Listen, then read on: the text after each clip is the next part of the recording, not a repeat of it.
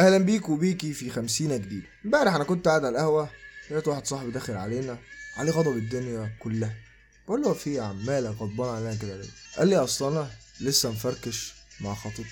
قلت له طب إيه المشكلة؟ مش أحسن ما كنت مثلا تكون متجوزها وبعد كده تطلقوا أو أي حاجة؟ كويس إنها جت في حاجة صغيرة. قال لي لا أصل دي كانت حب خمس سنين. وياما رحنا وياما جينا ومعبي معاها ذكريات كده. مش هقدر انساها بسبب الذكريات دي. طيب هي الذكريات دي هي اللي حببتك في الشخص ولا انت حبيت الشخص عشان تكون معاه الذكريات دي أصلا؟ ودي المسألة اللي طرحها فيلم النهاردة. Eternal Sunshine of the Spotless Mind. وده فيلم من أكتر الأفلام اللي أنا بحبها جدا في حياتي. ده ما كانش واحد من أعظم الأفلام اللي أنا اتفرجت عليها ومن أعظم الأفلام اللي عملها جيم كاري في تاريخه كله. ومش بس جيم كاري لأ كيت وينسلت برضك من أكتر الأفلام اللي قدرت فيها كيت تقدر تعمل كيمياء حلوة جدا ممكن ما كناش شفناها غير مع آه، ليوناردو دي كابريو في فيلم تايتانيك مثلا. فكرة الفيلم كلها عبارة عن الذكريات. طب هل لو كان في أي واحد في الدنيا دي كلها يقدر بمجرد إنه عاش ذكريات مثلا معينة يقدر يمحيها. الذكريات دي تكون أثرت فيه. هل لو قدامه الإمكانية دي هيفضل محتفظ بالذكريات دي برغم كل الآلام وبرغم المشاكل اللي حس بيها ولا زي جويل هيروح يمسحها؟ ده القصة عبارة عن جويل اللي بيلاقي نفسه صاحي الصبح ما هوش عايز يروح الشغل. يقرر إن هو يسيب الشغل يسيب اليوم ده ويروح الشط. يقابل كلامنتين اللي هي حاسة إنها شافته قبل كده وهو حاسس إن هو شافها قبل كده.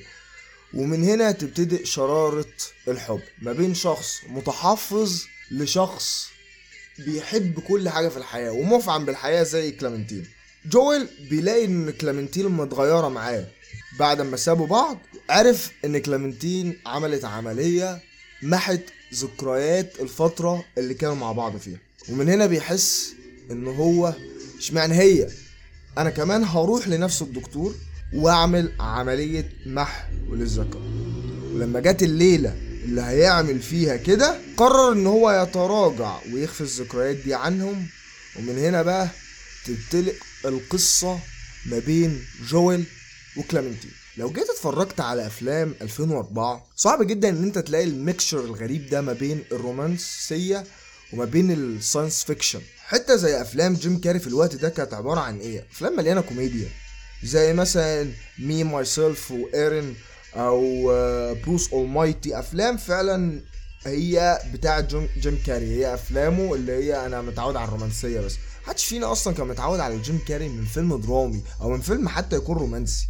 الأفلام اللي ما كانتش فيها فترتها دي أي حاجة لها نجاح باهر أو بصمة كبيرة. وكمان كيت نفسها كيت نفسها ما كانتش عملت أعمال تقيلة من أو من أيام تايتانيك كمان اللي عملت أو الاعمال الناجحة لكيت في أواخر التسعينات. الفيلم ده حط اللون بتاع الأفلام الرومانسية في شوية فكر إبداعي كده. فكرة مش بس اتنين حبوا بعض ونشوف بقى قصة الحب الكبيرة ما بين مثلا شخص فقير وواحدة غنية أو العكس ونشوف الصراع اللي مع الحياة ومع الدنيا ومع ابن خالتها اللي جاي من الخليج عشان الكلام ده. لا لا. انت هنا بتبتدي من نهاية قصة حب ما بين طرفين وبتشوف الحياة ما بعد الانفصال ما بينهم دي هتبقى عاملة إزاي. فالموضوع كله مش دراما وحب ورقص وأغاني والدنيا ورود والكلام ده لا.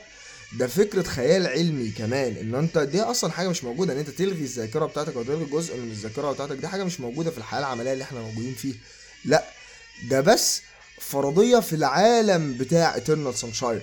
تساؤلات الفيلم بقى من حيث الذكريات اللي بتكون أي شخص وبتخليك أنت كمشاهد تحس ناحية الشخصيات دي كلها بتاعت الفيلم بتعاطف أو بناحية حب أو تشوق أو كره أو غضب أو أي حاجة من الحاجات دي. أحساسك ده حطوا الفيلم بشكل حلو جدا. وكمان الفيلم خلانا إحنا كمشاهدين برضك بنستغرب إن هو ليه ما يعملش زيها؟ ليه جت في نقطة معينة جويل نفسه قرر إن هو يخفي كلامنتين عن ذكرياته كلها ويحتفظ بيها في ذكريات معينة ويخبيها من الناس دي. طول الفيلم عمال ينقلك ويخليك عايز تفكر كده إيه هو اللي هيحصل؟ وليه واخد القرار ده؟ وليه هي خدت القرار ده برضه؟ فلو أنت جيت بصيت على السياق أو ال context بتاع الفيلم نفسه كان سلس لأقصى الدرجة. أنت بتبتدي من نهاية معينة. أنت بتشوفهم تعرفوا عن بعض إزاي؟ يلا هنا مش هدخلك في صلب القضية. أنا لأ أنا هوديك يا باشا للآخرة. وإن هم إزاي قدروا إن هم يعرفوا بعض بسرعة جدا وهوب يلا معانا. أنت الاتنين دول فركشوا. فكل اللي عمله إن هو عمل لك mixture كده mixture ما بين الحاضر والماضي وكل المشاهد دي مرتبطة ببعض. التنقل اللي حصل ما بينهم كان كويس جدا فهتلاقي كل المشاهد والخطوط بتاعت الدراما نفسها واضحة وكلها مترابطة. فمش هيمسك لك مثلا ذكرى معينة غير لما يفصصها لك ويخلصها لك كلها مع بعض. فمش هتلاقي نفسك مثلا قدام إن القصة في حتة واقعة. أو مثلا في مشكلة أو أنت حاجة مش فاهمها أنت ممكن تبقى تلاحظ نفسك كونفيوز وأنت في أول الفيلم لكن بعد كده هتلاقي الموضوع عادي جدا. والفيلم نفسه في ناس كتير هتحس إن هو ممل لكن الفكرة إن أنت ممشي كل حاجة ببساطة وطوبة كده جنب طوبة هتلاقي الصورة الأخرانية بتاعتك حلوة جدا. من خلال القصة دي بنشوف قصة ما بين اتنين كده اسمهم ماري وستان. قصة ماري وستان دول اللي بنكتشف فيها إنها انعكاس مجرد انعكاس كده لقصة جول وكلامنتين. اللي هي كانت أنا جاي أمسح ذكريات جول جه في لحظة معينة زي ما قلنا أنا عايز لا أنا مش عايز أمسح ذكرياتي أنا عايز أحتفظ بكلامنتين إنه عايز يفضل فاكرها وبنشوف إزاي إن هو آه، جوel عايز يحتفظ بكلامنتين وفي نفس الوقت ماري آه، وستيف عايزين هما الاثنين لا أنا عايز اخفي الموضوع ده لأن هو مشكلة لأن هو العملية اللي بتتعمل دي لو جوel صحي خلاص العملية باظت.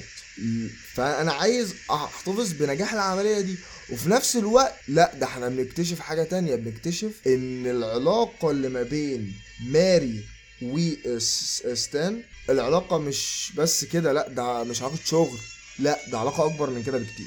لو أنت جيت بصيت على التنقل اللي ما بين الذكريات نفسه إن هو يلا أنا افتكر لقطة الشط وبعد كده لقطة التلج وبعد كده لقطة مش عارف إيه ولقطة كذا ولقطة كذا وبعد كده ننهي بقى بالمشهد الأخير وتنقل وخوف جويل نفسه إن هو كلامنتين اللي هو مش عايز ينساها وعايز يفضل فاكرها. أنت عمال تتعاطف بشكل كبير جدا وأنت حاسس ب thrills كبير جدا من ناحية الاتنين دول. أنت عايزهم ينجحوا. عايز في وقت من الأوقات إن الذكريات دي ما تتمحيش. الكيمياء اللي ما بين جويل وكلامنتين كانت العلاقة ما بينهم قمة في ال toxic. دول مش فعلا اتنين ينفعوا مع بعض. دي قصة اتنين عكس بعض تماما. شخص مستحيل هيبقى كلامنتين عمره ما هيبقى الشخص غير شخص انطوائي بيخاف أو شخص مش عايز يعيش الحياة اللي هي كلامنتين عايشاها. وفي نفس الوقت كلامنتين مش هتقدر تعيش الحياة الهادية بتاعة جويل ده. وجه هنا هنا لنقط كتير جدا الوقت ده كان محتاج انفصال ما بينهم. ده حط لك الأسباب المقنعة إن الاتنين آه سبب الانفصال ما بينهم واضح.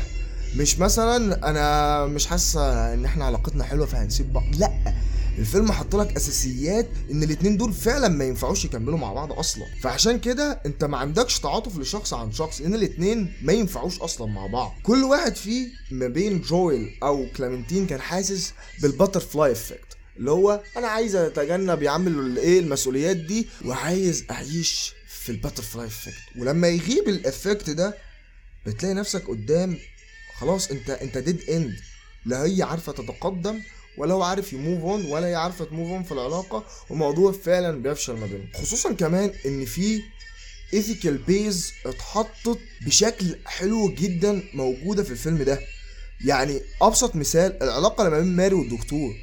لما لقى إن نفسه إن ماري كانت في علاقة حب مع الدكتور ده وفي نفس الوقت هو لغى الذاكرة بتاعتها. فده نفسه حاجة ethical هل أنا كدكتور نفسي أو الدكتور مثلا أقدر أعمل الحاجات دي بغير استشاره المريض؟ أو هل العملية بتاعت محو الذاكرة دي هل هي عملية أصلا أخلاقية وتندرج ناحية إن آه عادي إن أنا امحو الذاكرة ولا إيه؟ وهنا بقى نرجع لجزئية مهمة جدا. الجزئيه دي كانت اتعملت في انمي آه، Code Geass في ما بين العلاقة بتاعت لولوش والبنت اللي هناك دي شيرلي باين. لما لولوش آه، اتمحت الذاكرة بتاعتهم كلهم وفي نفس الوقت شيرين رجعت تحب لولوش مع إن لولوش يعني عمل مصايب كتير جدا. فهنا بس ده بعد الفيلم بيجي ب 10 سنين باين ولا فترة معينة مش فاكر الانمي الصراحة كان بعديه بقد إيه؟ لكن هنا حط تساؤلات إن ماري نفسها بعد ال... بعد ما هي اتعمل لها العملية بتاعت محو الذاكرة دي رجعت حبت الدكتور تاني. فهنا قدامنا تساؤل. هل أنا لو محيت الذاكرة من ناحية شخص معين وتعرضت إن أنا قابلته مرة تانية هرجع المشاعر ناحيته ولا إيه؟ وكانت واضحة الإجابة في في الفيلم. آه. الإجابة أيوة. ماري وعلاقة الدكتور نفسه جول وكلامنتين نفسه في آخر الفيلم لما اكتشفوا إن هم كل واحد فيهم راح وعمل محو ذاكرة هم قرروا يرجعوا ويعيشوا نفس العلاقة التوكسيك مع بعض مرة تانية لحد ما يفشلوا ويروحوا يعملوا الموضوع ده تاني. وكأن الموضوع كله عبارة عن لوب مهما محيت الذاكرة بتاعتك هتعيش في اللوب أول ما هتقابل الشخص ده مرة تانية هتعامل معاه كأنك أول مرة تشوف. أي إنسان لازم حياته تتكون من ذكريات. من غير الذكريات دي انت ولا حاجة. مفيش مشاعر ناحية شخص من غير الذكريات. وده السؤال بتاع أول حلقة. هل انت بتحب الشخص عشان تكون ذكريات معاه ولا انت بتحب الذكريات اللي هتكونها مع الشخص؟ فعشان كده انت متعلق بالشخص ده. فيلم Eternal Sunshine of the Spotless Mind حط أساسيات كتير جدا لفكرة الذكريات وعلاقات الحب وحط العلاقة بتاعتهم دي برغم إنها كانت توكسيك بشكل كبير إنما هو حطها في إطار جميل جدا. فيلم عظيم من ناحية الرومانسية والإخراج ومن ناحية كل الممثلين أدوا الأدوار بشكل جميل جدا والفكرة بتاعته إبداعية بشكل كبير جدا. وخلى حتة ال science fiction مع ال romance اللي إحنا شفناها بعد كده في فيلم the About Time فكرة حلوة وصايعة. مش أي حد يعملها مش أي حد يقدر يجيب ويكتب قصة حب عادية. أي حد ممكن يجيب ورقة وقلم ويكتب قصة حب بين اتنين وتلاقي نفسها بتجيب فلوس وقت أفلام الفالنتاين والكلام ده. لكن الصايع إنه يقدر يحط قصة حب ما بين اتنين بفكر جديد وفكر مختلف ويحط لمسة كده إبداعية عشان في الآخر يطلع لنا أفلام زي Eternal Sunshine of the Spotless Mind. خد الريسك بس اظبطه. هتلاقي نفسك بتعمل حاجة ايبك حرفيا. وهنا نكون خلصنا خمسينتنا الجميلة وإن شاء الله مع خمسينة جديدة. ومع السلامة.